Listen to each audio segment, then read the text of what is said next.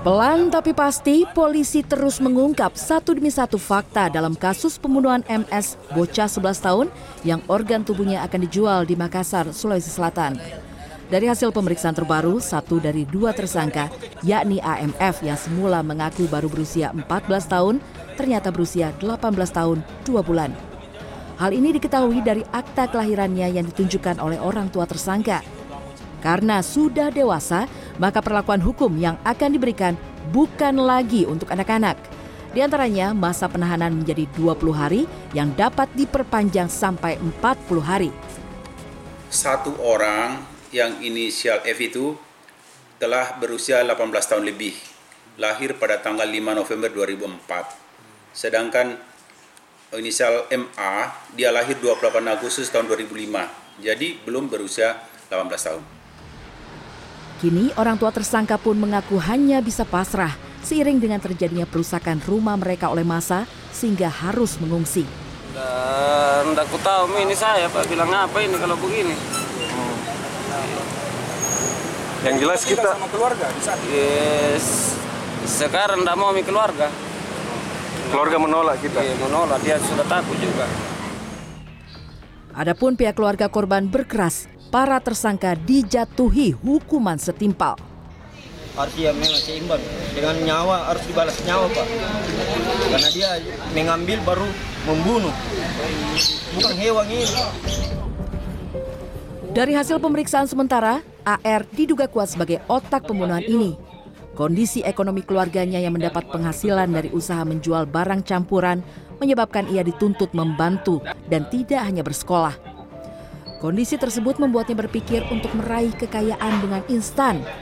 Berbekal informasi dari media sosial sebagai panduan, siswa SMA itu pun menyusun siasat untuk menculik dan menjual organ tubuh korbannya.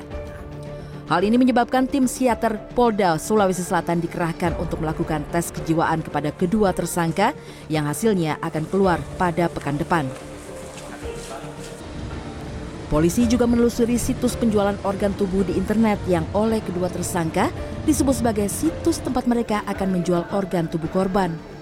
Meski begitu, polisi belum menemukan indikasi tersangka terlibat jaringan perdagangan organ tubuh.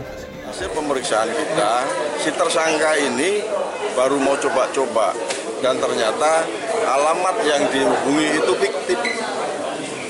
Ya, upaya website yang dihubungi Pak, website segala macam suri situs itu Pak.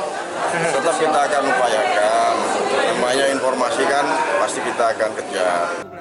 Kasus ini membuktikan paparan konten negatif internet bisa berbahaya, terlebih bagi anak-anak. Hal ini perlu diimbangi dengan literasi digital yang bisa dimulai dari rumah dan sekolah dengan arahan orang tua dan guru. Bahkan masalah besar di kita ya, dan ini sudah eh, apa eh, perilaku-perilaku yang dicontohkan ya, dicontohkan dan diikuti oleh mereka-mereka yang eh, belum secara dewasa ya eh, memahami konten-konten yang di internet itu eh, itu banyak sudah masalahnya.